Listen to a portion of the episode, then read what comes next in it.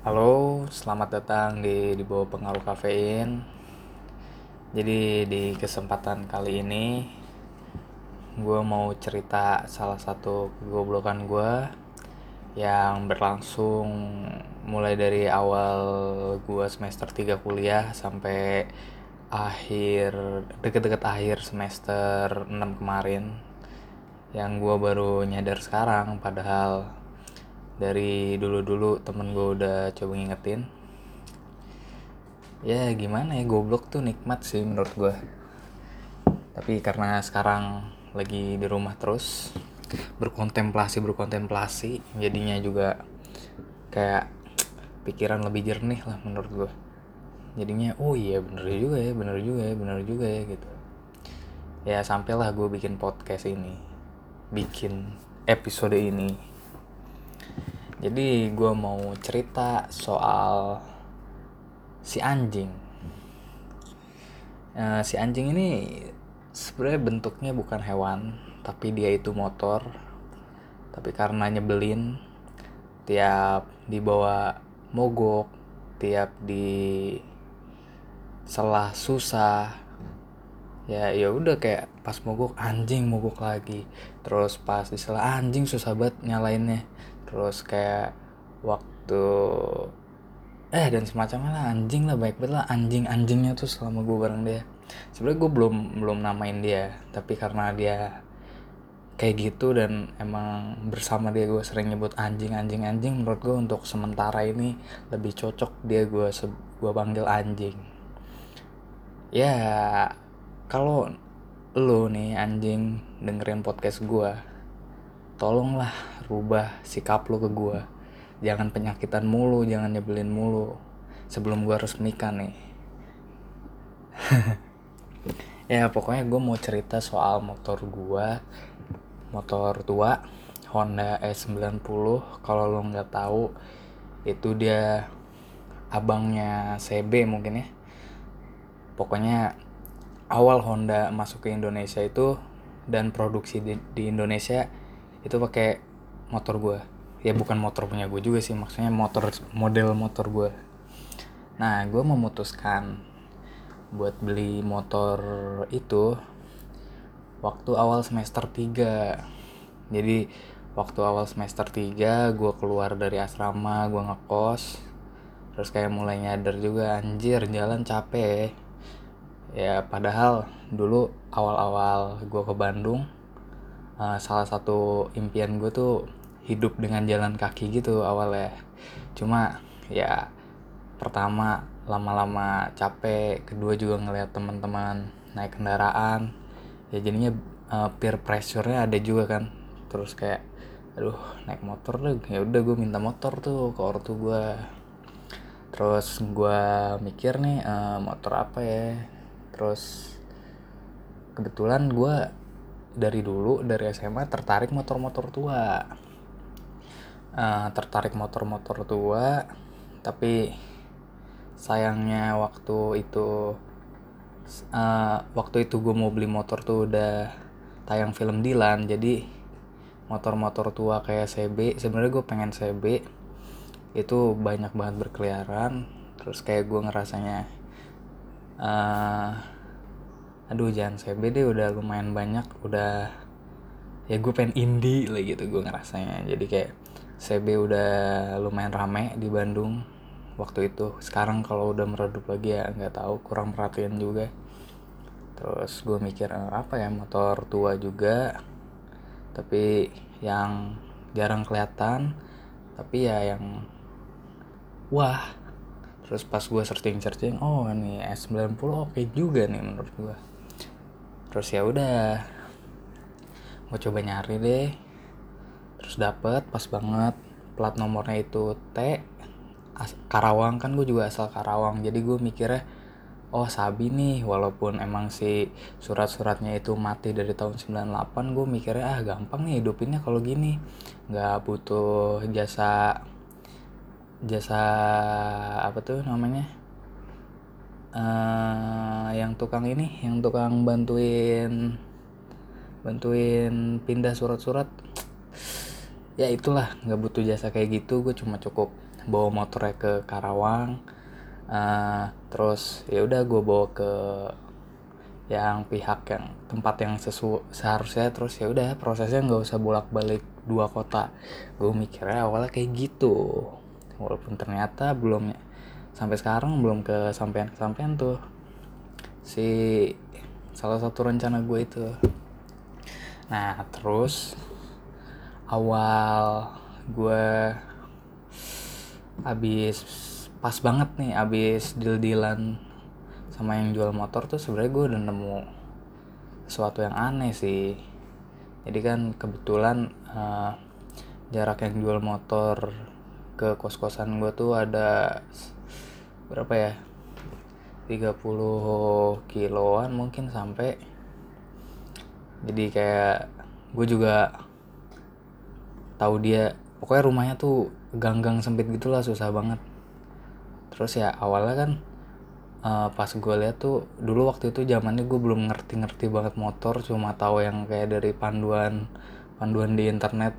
Kalau mau beli motor tua tuh yang paling penting kan intinya katanya uh, uh, surat-suratnya lengkap terus juga pastiin nomor rangka nomor mesinnya sesuai sama yang di surat-surat sama ya tanyain uh, yang sejujur-jujurnya ini motor masalahnya apa detailnya gimana. Nah terus kan ya gue zaman itu belum ngerti gitu kan terus juga gue tuh orangnya polos juga mau percaya. Jadi waktu itu sebenarnya pas pas gue lagi ngobrol-ngobrol mau ngedil tuh gue udah lihat sih ada masalahnya di mana sih itu motor tuh uh, olinya bocor. Cuma kata dia ini mah packingnya aja ah kata ya. Nanti juga kalau habis ganti packing udah itu terus juga gue gue sebenarnya nggak ngerti tuh itu apa motor S90 tuh komponen-komponen yang orinya gimana soalnya ternyata itu juga banyak komponen-komponen yang udah diganti udah dikanibalin pakai Supra pakai ya motor-motor lain ada Astreanya ada apanya. Tapi kan gue nggak ngerti terus ya gue se excited itu karena plat nomornya T dan S90 harga murah. Ya udah tetap gue ambil. Dan bener aja itu gue aduh goblok banget. Gue nih baru keluar dari tempat si bapak-bapaknya si yang jualnya. Terus ya udah jalan kurang lebih berapa ya? 2 kilo 2 kilo 3 kilo lah. 5 kilo lah maksimal. Itu paling jauh lah ya 5 kilo. Tapi gue lupa sih berapa kilo. Pokoknya ya baru sampai 5 kilo. Pokoknya gue berhenti di lampu merah. Berarti pas mau gue nyalain lagi kagak bisa. Pokoknya kalau lo orang Bandung ya dengerin nih. Jadi yang jual itu rumahnya di Katapang uh, terus motor gue tuh mogok di lampu merah Soekarno Hatta nah kalau ya menurut lu itu berapa kilo deh tapi kalau menurut gue sih 3 sampai 5 kilo sih. Terus motornya mati. Terus pas lampu merah nyala ya udah gue ngisi dulu kan ke pinggir. Gue selah-selah lagi aduh nggak nyala-nyala nih gitu. Terus zaman itu juga gue bener-bener belum mengerti ngerti seluk beluk motor tua terus gue juga nggak ngajak temen-temen gue nggak punya temen yang bener-bener ngerti motor tua. Jadi ya itu salah satu hal yang goblok sih menurut gue ya nanti gue kasih tau lah. Gue gue bahas lebih lanjut soal kegoblokan yang satu ini. Terus pas motor gue mati kan waduh kata gue terus gue inget-inget lagi e, ini hari apa ya? Terus baru inget anjir hari minggu kata gue gimana nih bengkel pada tutup hari minggu? Terus tapi karena di situ jalanan ramai gue coba nanya aja ke abang-abang sekitar situ ada abang angkot gitu seingat gue terus nanya bang kalau uh, bengkel yang buka di sini sekitar sekitar mana ya? Terus dia bilang aduh hari minggu mah pada tutup deh paling di dia nunjuk rada jauh gitu di di sana coba lihat aja ada dorong katanya. Terus ya udah gue dorong aja. Kan gue semangat betul. Oh enggak. Awalnya sebelum gue dorong dorong itu pas gue tahu motornya gak bisa nyala gue nelpon dulu tuh si uh, yang jualnya. Pas gue nelpon yang jualnya yang angkatnya istrinya. Istrinya bilang uh, gue lupa nama yang jualnya. Uh, si pokoknya si AA lah gue sebutnya si AA nya lagi keluar tadi sih bilang mau nyari motor lagi katanya gitu. Waduh gimana nih kata gue padahal sebelumnya dia bilang kalau ada masalah bilang-bilang aja. Terus kayak ah tai kata gue belum belum sampai sejam masih telepon udah hilang terus nggak bawa HP ya kurang make sense aja sebenarnya menurut gue tapi ya ya udah ya udah. Ngapain nyesel juga kan? Terus ya ya udah tuh gue dorong tuh motor gue cari-cari uh, bengkel. Wah di jalan Soekarno Hatta ada tuh lurusan gue nyariin bengkel. Gak nemu-nemu kan? Terus kayak akhirnya pasrah soalnya udah sore juga. Terus mikir nih aduh motor gimana nih angkutnya ya? kata gue terus kebetulan gue lihat ada perusahaan gitu perusahaan apa gitu ya gue lupa. Pokoknya Persero BUMN wah terima kasih lah BUMN gue dari situ walaupun belum kerja di sana gue udah merasakan manfaatnya lah. Salah satunya mau dititipin motor gue jadi gue mutusin untuk nitipin motor di situ. Kebetulan satpamnya baik. Terus gue bilang e, pak paling besok pagi saya ambil lagi motornya soalnya ya ini bengkel juga pada tutup udah sore gimana mau ngangkutnya kan? Terus jauh juga gue dari Soekarno Hatta ke Dago. Dago ini daerah daerah Siliwangi. Wah gila cok. Terus ya ya udahlah untungnya bapaknya baik katanya oh ya udah silahkan. Terus ya udah besoknya untungnya walaupun hari pertama masuk kuliah itu belum ada kuliah terus kebetulan temen gue juga baik namanya Farhan. Ya makasih lah Farhan sampai sekarang kalau dimintain tolong selalu ada walaupun gue nyebelin gede jadi waktu pagi tuh jam berapa ya? Uh, pokoknya dia ngingetin gitu. Jadi kemarinnya gue bilang besok pagi gue mau ngambil lagi nih an. Oh sabi kabarin aja kalau mau uh, gue antar katanya. Saya udah bener tuh diantar diantar terus gue ambil gitu kan motornya terus dia stepin stepin nyampe ya adalah emang deket situ udah ada bengkel gitu udah buka. Sebenarnya emang si perusahaan itu seberangnya bengkel. Bengkelnya udah buka terus kata bengkelnya waduh ah ini mah karburatornya mati. Buset cah karburatornya mati. Padahal kemarin si yang jualnya cuma bilang ini mah olinya aja bocor taunya karbu ya adalah karburator tuh kalau lu nggak ngerti motor itu salah satu komponen yang krusial di motor-motor yang belum injeksi. Terus katanya karburatornya mati nih. Waduh terus gimana kata gue kata dia aduh kalau buat motor kayak gini mah nggak ada nih uh, serepnya kalau mau diganti juga paling dibersihin aja lah ya yang penting bisa jalan dulu katanya. Ya udah boleh ah katanya. Terus ya udah jadinya dibersihin doang. Itu gue bayar berapa ya 30 ribu kalau nggak salah. Terus udah tuh bener nyala. Nyala belum lama. Sekilo juga kayak belum nyampe mati lagi. Mati lagi.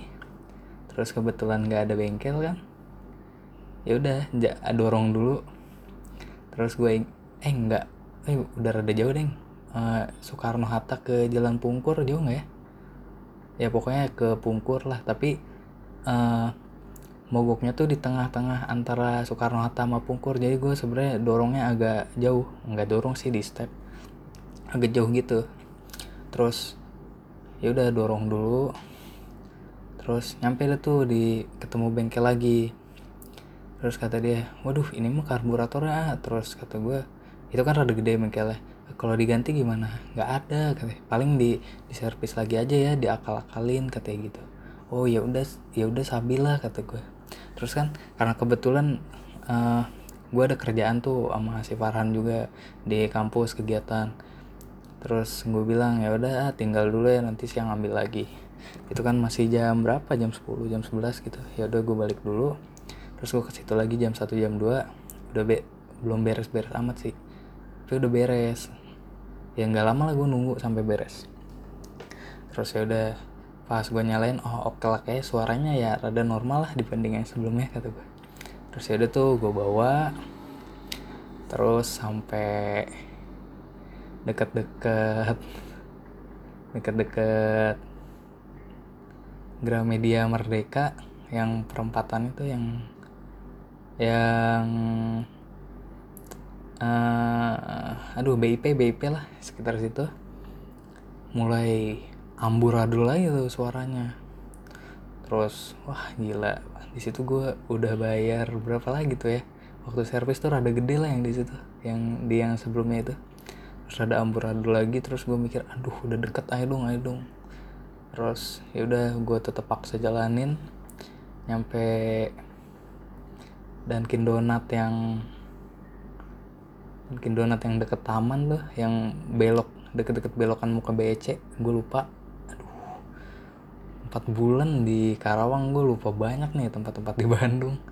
Pokoknya nyampe daerah situ mati tuh motor. Beh kata gue udah sore juga kan mau maghrib. Anjir kata gue gimana nih? Terus pas ya udahlah. Eh oh iya jadi kebetulan pas waktu gua ngambil yang kedua itu yang siang-siang sama temen gue cuma dianterin gitu. Eh nggak dianterin deng. Sebenarnya ditemenin. Terus uh, jalan baliknya juga bareng. Nah tapi karena motor gue lelet terus temen gue ngebut gitu di depan. Nggak nggak nggak jalan di belakang gue jadi gue ketinggalan terus pas mogok tuh dia udah ya udah jauh banget. Jadi kayak ya ya udahlah pas mogok pas mogok lagi tuh ya udah gue mutusin buat dorong. Soalnya udah deket mau ke DU juga kan. Terus waktu itu gue ingat ada satu orang ngasih tahu gue bapak-bapak dekat kosan temen gue katanya bilang kalau mau nyerpis motor tua nanti di di pati ukur aja. Ada tuh yang bagus-bagus bengkelnya. Terus ya udahlah kata gue gue dorong aja. Terus pas dorong lagi mau dorong untungnya ada orang baik. Pakai motor Astrea legenda kalau nggak salah.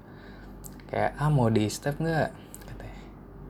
Oh boleh ah. Terus kata dia emang mau ke mana ke di Pati Ukur? Oh ya udah kebetulan juga. Eh gue nggak bilang boleh. Boleh ah sih awalnya. Nggak usah terus tapi dia maksa-maksa gitu soalnya ya nggak tau lah orang baik menurut gue.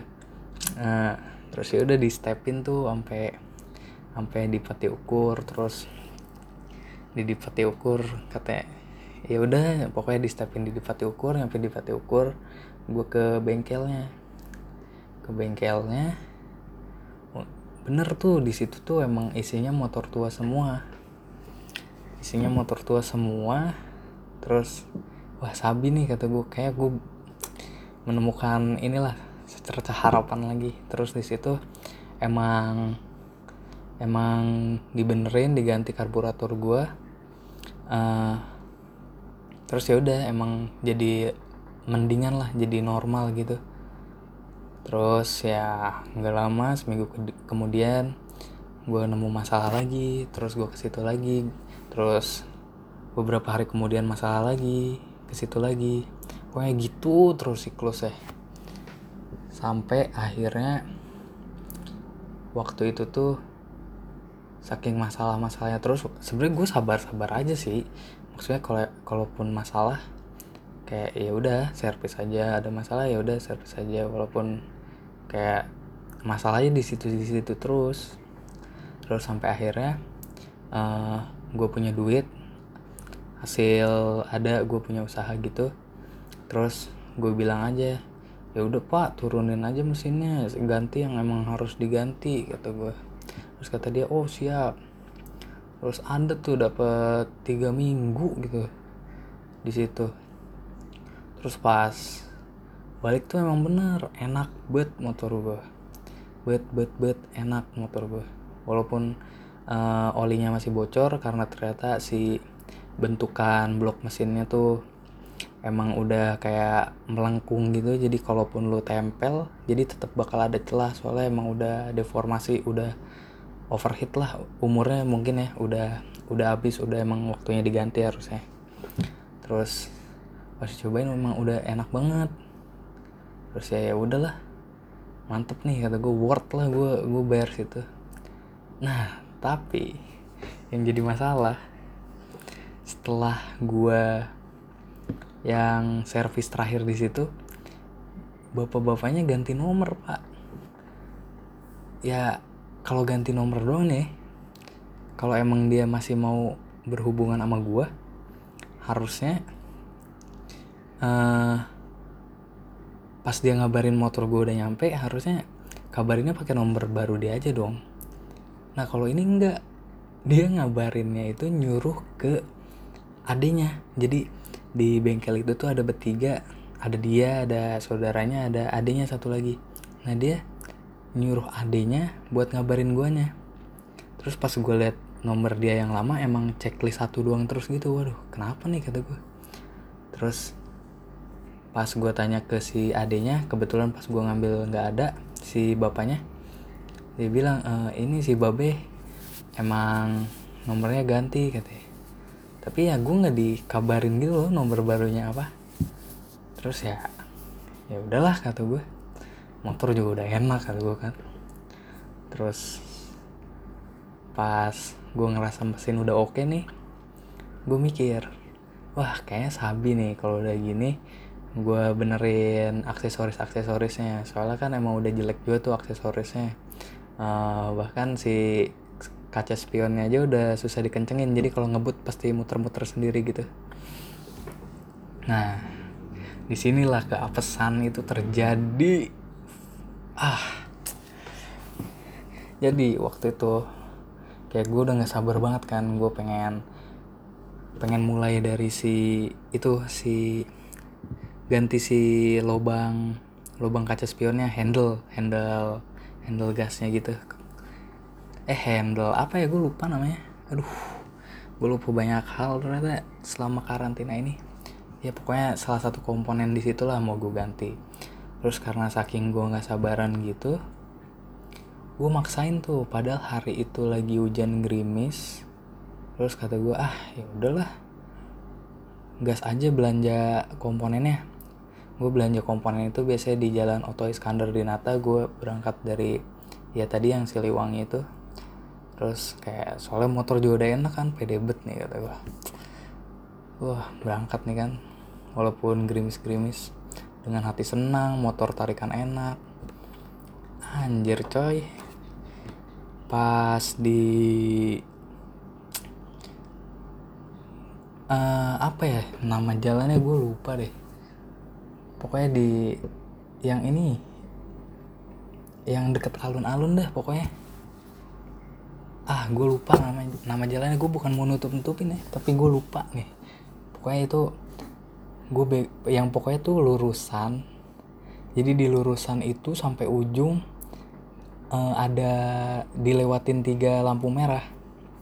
Nah karena di situ lagi gerimis terus gue juga kebanyakan ngelamun karena anjir ini motor enak banget sekarang kata gue gue kira cuma ada dua lampu merah di lampu pas gue mulai masuk jalan itu di lampu merah pertama nih. Hmm ya udah gitu lampu merah pertama oke. Okay. pas di lampu merah juga gue lepas gasnya masih nggak mati. Terus jalan lampu merah kedua gue lepas gasnya masih nggak mati. Lampu merah ketiga nih gue lupa kalau di situ lampu merah. Sumpah gue rada naikin gas gue terus pas udah mau deket perempatannya gue masih rada ngelamun gitu gue ngeliatinnya speedometer gue sama ya aksesoris aksesoris motor gue pas gue lihat ke depan itu orang-orang pada berhenti. Gue di belakang. Ya kecepatan kecepatan sebenarnya nggak kenceng-kenceng amat sih tapi untuk motor gue yang kayak gitu itu kerasanya ngeberhenti ini susah banget. Soalnya kan bannya juga belum dibenerin. Pokoknya tuh sebelum sebelumnya tuh ya gue fokus benerin mesin jadi sisa-sisanya kayak rem ban itu belum dibenerin terus kondisi lagi hujan kan. Awalnya gue coba paksain tuh ngerem ngerem pakai dua rem ya rem depan rem belakang. Terus pas gue paksain dalam banget rem belakangnya gue gue kerasa betul ban belakang gue udah mulai ngepot-ngepot. Anjir gimana nih kata gue. Terus tapi belum berhenti kecepatannya kerasa bet belum nyampe 20 km padahal udah 2 meter di depan gue ada motor.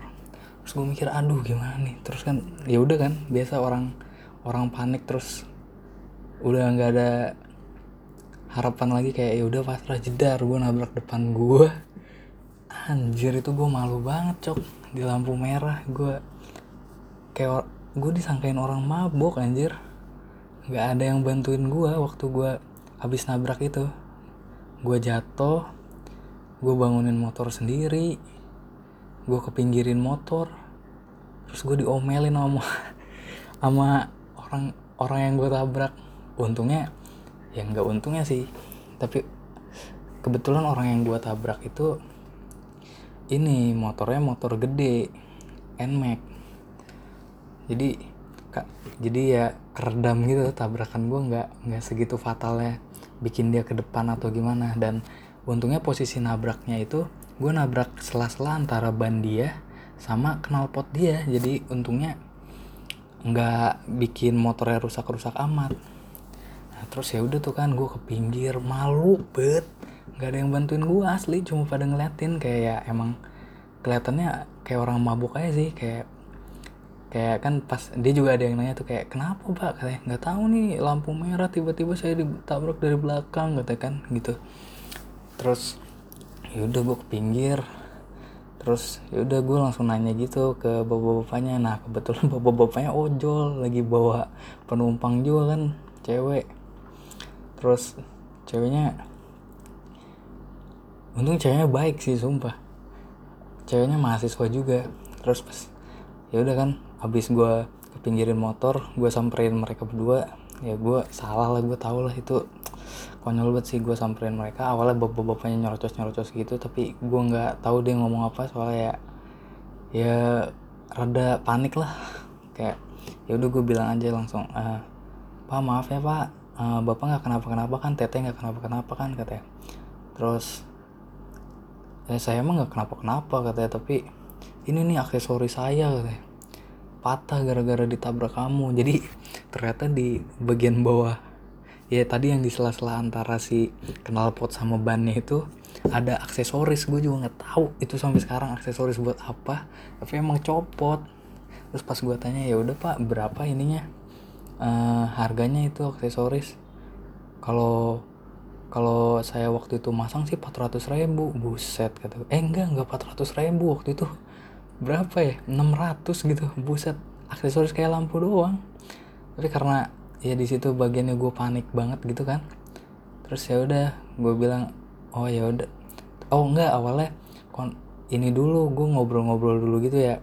Kayak minta keringanan lah ini bener pak 400 uh, 600 ribu gitu bla bla bla bla bla. Terus kayak ya gue kan uh, perilakunya di situ kayak emang merasa bersalah gitu kan gue jelasin kalau emang motor gue remnya kayak gitu gue bilang. Terus uh, kayak dia lama-lama luluh gitu. Karena awalnya kan dia bilang juga marah-marah tuh kayak penumpang saya juga nih. Mbak mbak nggak kenapa-kenapa kan kata terus untungnya tetehnya tuh baik banget nggak kenapa-kenapa kok sambil senyum gitu. Terus kata dia akhirnya tuh dia bilang gini ya udahlah kamu sekarang megangnya berapa? Uh, soalnya ini si teteh juga lagi mau saya anterin ke mana gitu stasiun apa terminal mau pulang katanya ya. Udah sekarang kasih aja deh berapa kamu megangnya. Ya tapi ya ya udah gue buru-buru tuh ke ke ke ATM gue ambil duit. Waktu itu gue inget banget gue di saldonya ada 400 ribu. Gue ambil semua. Terus begonya nih padahal kan dia mintanya berapa aja ya katanya padahal gue minta 100 padahal gue gue kasih 100 ribu juga harusnya ya udah ya. Tapi nggak tahu di situ gue kasih semua 400 ribu duit gue terus kayak ya udah nih gue kasih 400 ribu terus gue bilang ya udah maaf ya pak maaf ya teh. Terus ya udah tuh cabut. Terus abis mereka cabut tetap aja tuh. Gue mah nggak ada yang bantuin yang nanya nggak apa-apa gitu gimana gimana nggak ada sumpah. Tapi ya gue tahu sih itu kebegoan gue tapi ya ya motorku juga kan motor tua gitu gue bukan mabok tapi ya ya udahlah.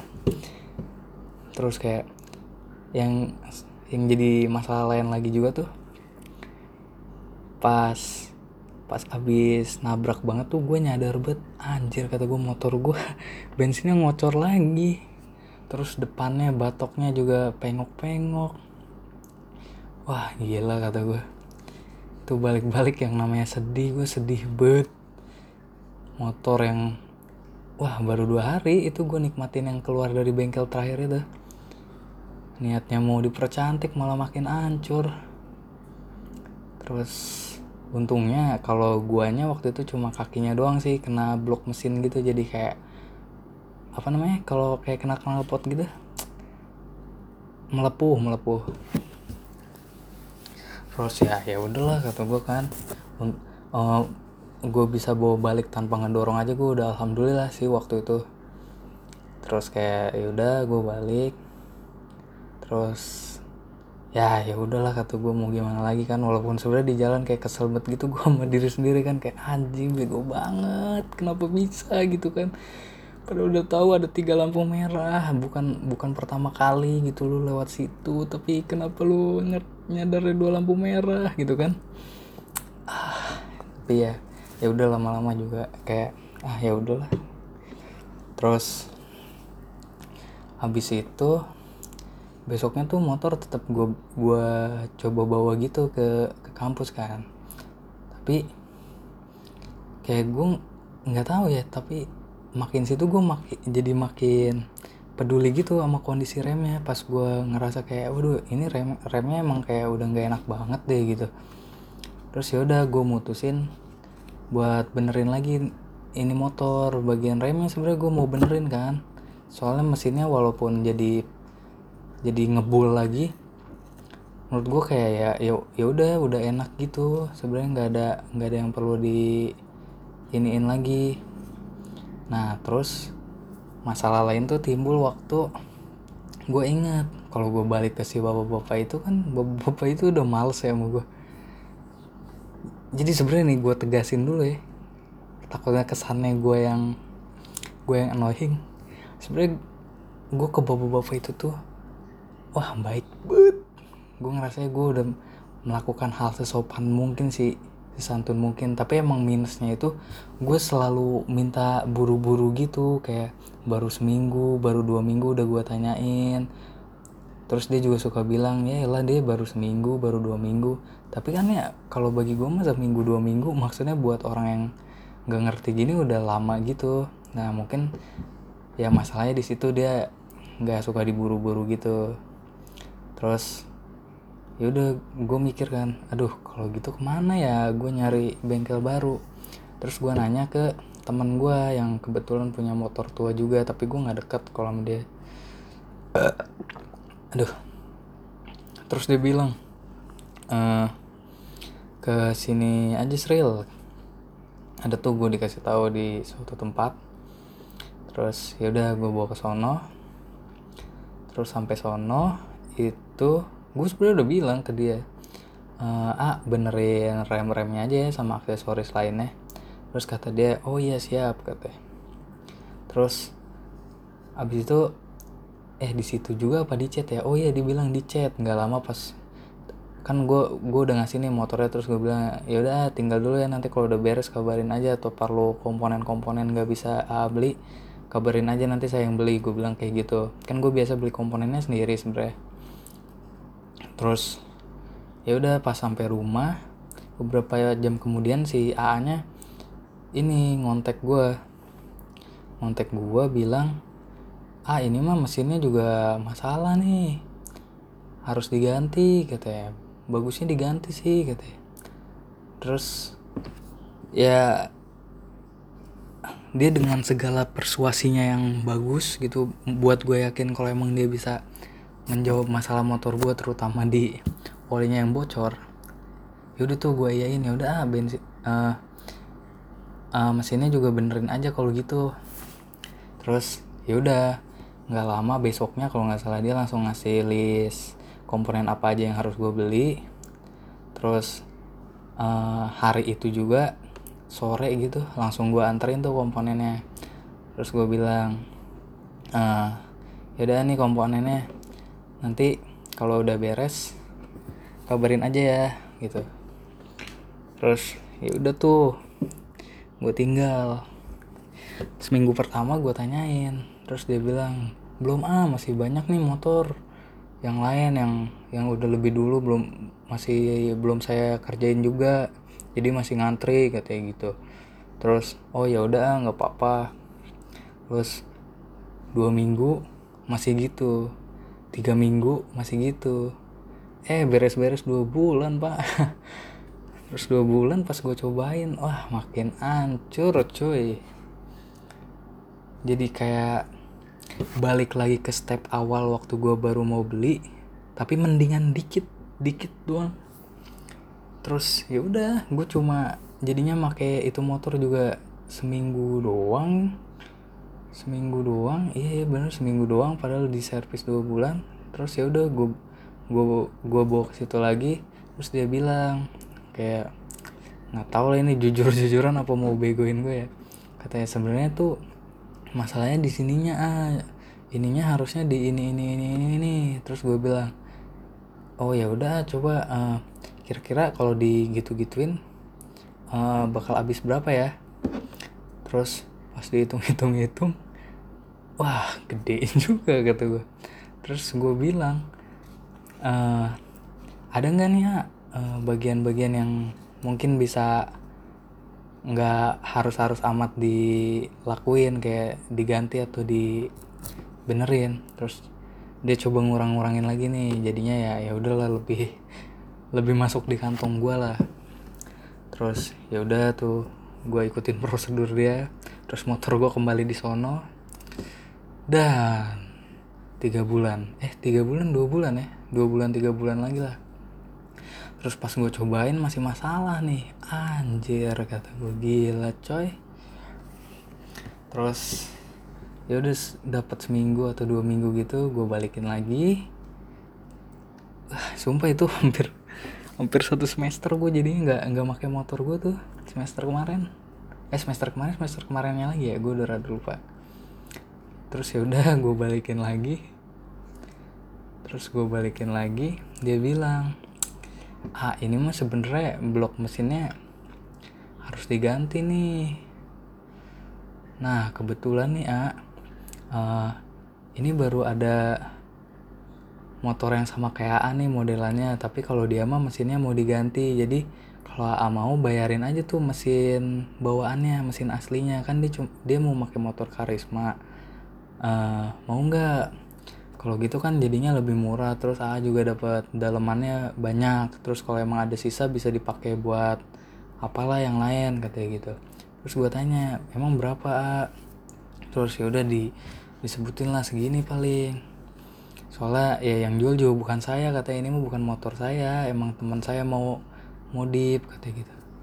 Terus gue bilang aduh kalau segitu mah nggak ada kata gue boleh minta ditawarin lagi nggak terus uh, dia nggak tahu lah itu pura-pura ngechat apa beneran ngechat ya ke temennya. Terus dibilang kata teman saya mentok segini. Terus pas ya harganya nggak beda jauh jadinya nggak nggak gue bayarin tuh. Terus gue bilang uh, ya akalin aja deh ah yang lainnya. Kalau buat ininya mah nanti aja belakangan gue bilang. Terus ini bu aduh kalau mau emosi sih ya bisa emosi sih sebenarnya nih gue ceritanya. Cuma ya ya udahlah ya. Secara garis besar aja lah. Terus ya udah tuh gue tinggal lagi motor di situ. Terus kalau yang ini rada cepet nih tiga minggu apa sebulan gitu. Ya lama sih cuma relatif cepet lah dibandingkan sebelum sebelumnya terus pas balik ke situ lagi ya agak mendingan sih tapi sebenarnya masih masalah. Masih masalah tapi gue mikir ah ya udahlah mau gimana lagi? Terus ya udah gue pakai tuh motor ya emang bisa jalan cuma jadinya meledak meledak gitu suara mesinnya. Tapi meledaknya waktu dibawa pelan pas dibawa ngebut emang gak meledak meledak terus ada tuh waktunya pas gue bilang ah gue gue mau masang spion nih. Kan waktu itu spionnya belum gue pasang. Oh ya udah bawa sini aja kata dia. Terus ya udah gue bawa tuh motor gue motor gue gue bawa kebetulan di situ ada temennya. Nah pas gue nongkrong juga di situ kan gue ya udah ngobrol-ngobrol dulu aja. Terus temennya nanya Eta itu motor punya siapa? Dia nanya dia nunjuk motor yang mirip gua yang mirip motor gua yang waktu itu si AA nya bilang itu punya temennya. Terus lu tahu dia jawab apa? Oh itu punya gua katanya. Tapi lagi mau dimodif jadi motor gunung makanya mesinnya mau diganti. Walah kata gue berarti selama ini sebenarnya dia ngomong-ngomong ini punya temennya terus dia pura-pura nawar-nawar temennya itu bohong dong kata gue terus kayak eh wah dia serem sih pak. Jadi kayak ya udah gue cuma dengerin doang. Terus kayak kan sebenarnya di situ tuh gue cuma mau ganti ini ya ganti spion ya. Terus karena gue keingetan lagi mau ganti apa gitu jadinya gue tinggal tuh itu motor. Oh iya mau nyalain lampu juga selain selain masang spion gue mau nyalain lampu. Hmm, terus ya udah tuh jadinya gue tinggal. Nyalain lampu doang pak. Dapat seminggu gue pas balik lagi pas gue coba ini nyala lah kok tarikan motor gue kata gue jadi rada beda. Terus gue tanya gue tanya ah kok ini tarikannya jadi beda ya dari yang kemarin? Terus dia bilang oh iya ah saya akalin lagi katanya oh ya udah ah. Awalnya kan gue mikir mungkin emang bakal lebih baik kan gitu. Terus yaudah gue bawa balik. Eh enggak waktu itu enggak gue bawa balik. Gue bawa langsung ke kampus karena waktu itu mepet banget mau kuliah juga. Terus ya udah gue bawa langsung ke kampus. Gue parkir di kebun binatang. Gue parkir di kebun binatang terus ya udah gue kuliah dulu. Nah kebetulan pas gue mau balik tuh hujan terus ya udah kan kehujanan tuh motor gue. Kehujanan terus pas mau dinyalain waduh kok kata gue nggak nyala nyala terus ya udah kan gue mikir kan kalau gue gue tuh ngerasanya sama dia tuh udah langganan. Sama sekali sampai di titik itu sebenarnya gue nggak ada kepikiran buat pindah bengkel dari dia. Tapi pemikiran gue itu langsung berubah seketika waktu gue minta jemput ini motor kan soalnya tiba-tiba mogok ya terus sehari juga belum pak. Itu tuh bener-bener pas gue keluar dari bengkel terus gue taruh motornya gue tinggal kuliah sejam dua jam balik udah mati. Berarti kan ada masalah sebenarnya dari yang settingan dia kemarin. Padahal gue gue juga di situ kan gak minta di setting kan. Jadi kayak gue bilang ah ini motornya mati katanya. Oh ah posisinya di mana di di sini deket lah pokoknya tempat dia ke kebun binatang tuh ke kampus gue terus dia terus gue bilang gue bilang gak ya pokoknya ya intinya gue bilang pengen dijemput lah. Se seolah-olah gue pengen dijemput gue bilang eksplisit atau implisit enggak terus dia bilang aduh ah kayaknya tapi kalau buat sekarang nggak bisa deh soalnya soalnya ini di bengkel lagi nggak ada siapa-siapa kalau harus ditutup dulu ribet soalnya masih jam segini. Ya emang bener sih jam 3 gitu. Tapi biasanya juga nih bengkelan tuh ya ya udah tuh mau tutup mau enggak juga nggak bakal ada yang nyolong menurut gue itu alasan bet sih menurut gue terus dia malah bilang emang kalau kalau temennya nggak ada yang bisa bantu dorong ah nah sebenarnya ada sih. Cuma tuh posisinya di situ gue pengen dia yang bawa ini motor. Soalnya gue ngerasanya ya gue harusnya udah jadi konsumen inilah apa salah satu pelanggan pelanggan pelanggan setia dia lah gitu. Harusnya ya seenggaknya gue cuma minta ya elah nggak jauh-jauh amat pak. Ya diambil lah gitu kan ya. Terus dia tetap nggak mau dia tetap nggak mau alasannya tetap itu terus kata gue oh ya udah gue bilang kan. Terus ujung-ujungnya ya udah tuh gue dorong gue pindahin dari kebun binatang ke parkiran kampus gue terus besoknya dia ngechat lagi ah gimana motor? Terus dia bilang gue bilang tetap mati ah no di parkiran kampus. Terus dia bilang ya udah ah, bawa ke sini aja dorong katanya. Terus yeh nggak ada nggak ada yang mau bantuin dorong gue bilang terus kata dia dirit doang. Oh ya nggak nggak jawab lagi dirit doang. Ya udah sampai sekarang tuh dirit doang. Di situ ya udah sih gue sebenarnya kecewa banget parah sama dia. Soalnya menurut gue ya harusnya ya kan ini juga nih settingan dia nih terus juga gue percaya sama dia. Buset deh hampir berarti hampir setengah tahun lebih gue sama dia jadinya. Walaupun gue nyobain motornya sebulan juga nggak sebulan full itu nggak ada kayak motor bareng gue dan ya cuma mogok gitu itu juga settingan yang dia ada-adain pas gue nggak minta padahal gue nggak minta minta diambil lagi maksudnya minta didorongin gitu di stepin dibawa ke ke bengkel dia aja dia nggak mau gitu. Pokoknya di situ tuh gue kecewa banget. Jadinya sampai sekarang tuh motor gue ngebangke di di di parkiran kampus soalnya nggak lama kemudian setelah itu langsung covid gue langsung balik ke rumah jadi motor nggak sempet gue bawa. Terus ya ya udah. Bahkan nih sampai sekarang juga dia nggak ada tuh ngechat ngechat gue lagi. Ya kalau gue pikir-pikir ya kayak gue dibego-begoin udah kemarin-kemarin tuh. Ah gila banget sih pokoknya nih intisari yang menurut gue bisa gue ambil dari sini buat lo terutama juga buat lo yang mungkin lagi ada planning buat beli motor tua. Saran gue uh, jangan buru-buru lah. Kalau bisa uh, cari kenalan dulu. Cari kenalan biar tahu bengkel yang cari kenalannya yang benar-benar ini ya maksud gue yang yang benar-benar pertama orang Bandung kedua juga ya kalau bisa abang-abangan gitu biar dia udah paham situasi kondisi. Jadi kayak kalau lu misal uh, punya motor nih terus nanya bengkel ya emang bener bengkelnya yang terpercaya lu nggak bakal dibohong-bohongin. Terus ya yang kedua juga lebih cermat lah. Tapi ya sebenarnya intinya yang penting lu punya kenalan sih punya pembimbing gitu.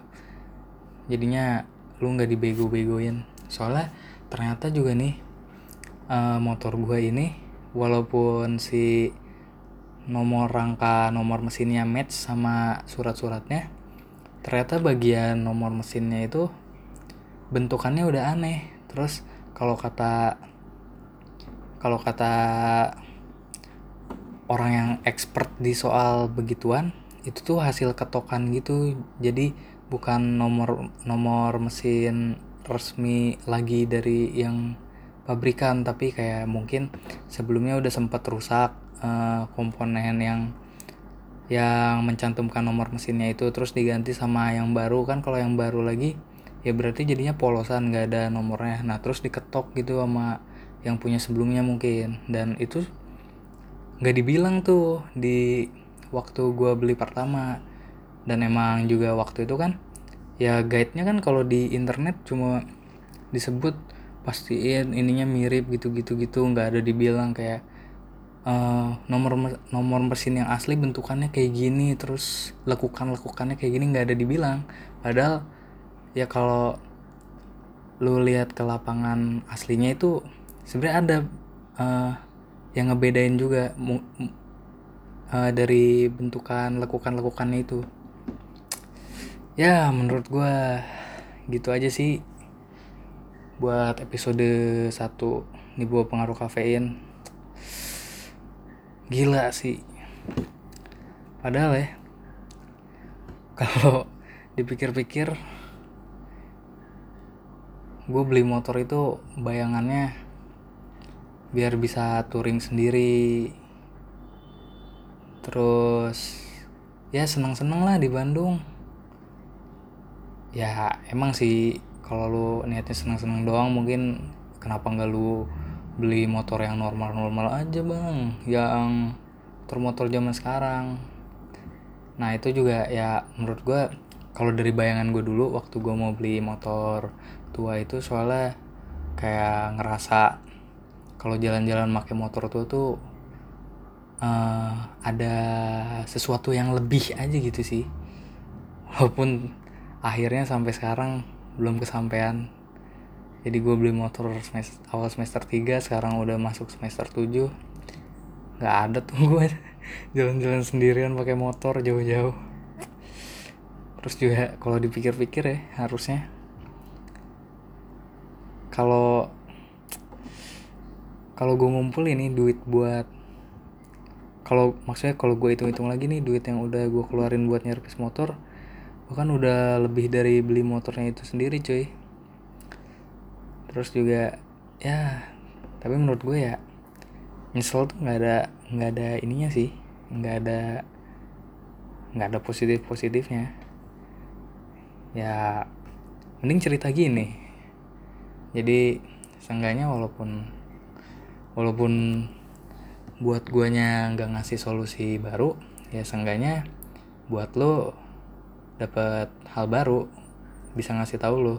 Seenggaknya ke depannya semoga yang udah denger podcast ini dan tertarik buat beli motor tua nggak ngulangin kesalahan yang udah gue buat. Ya walaupun gue masih sayang lah sama si anjing si motor tua itu. Tapi ya kayak yang gue bilang di awal mumpung belum gue resmi ini ini nama. Uh, jadi tolonglah lu pikir-pikir lagi kelakuan lu jing biar kalau emang lu ternyata jadi baik bakal gue ganti lah namanya jadi yang lebih bagus.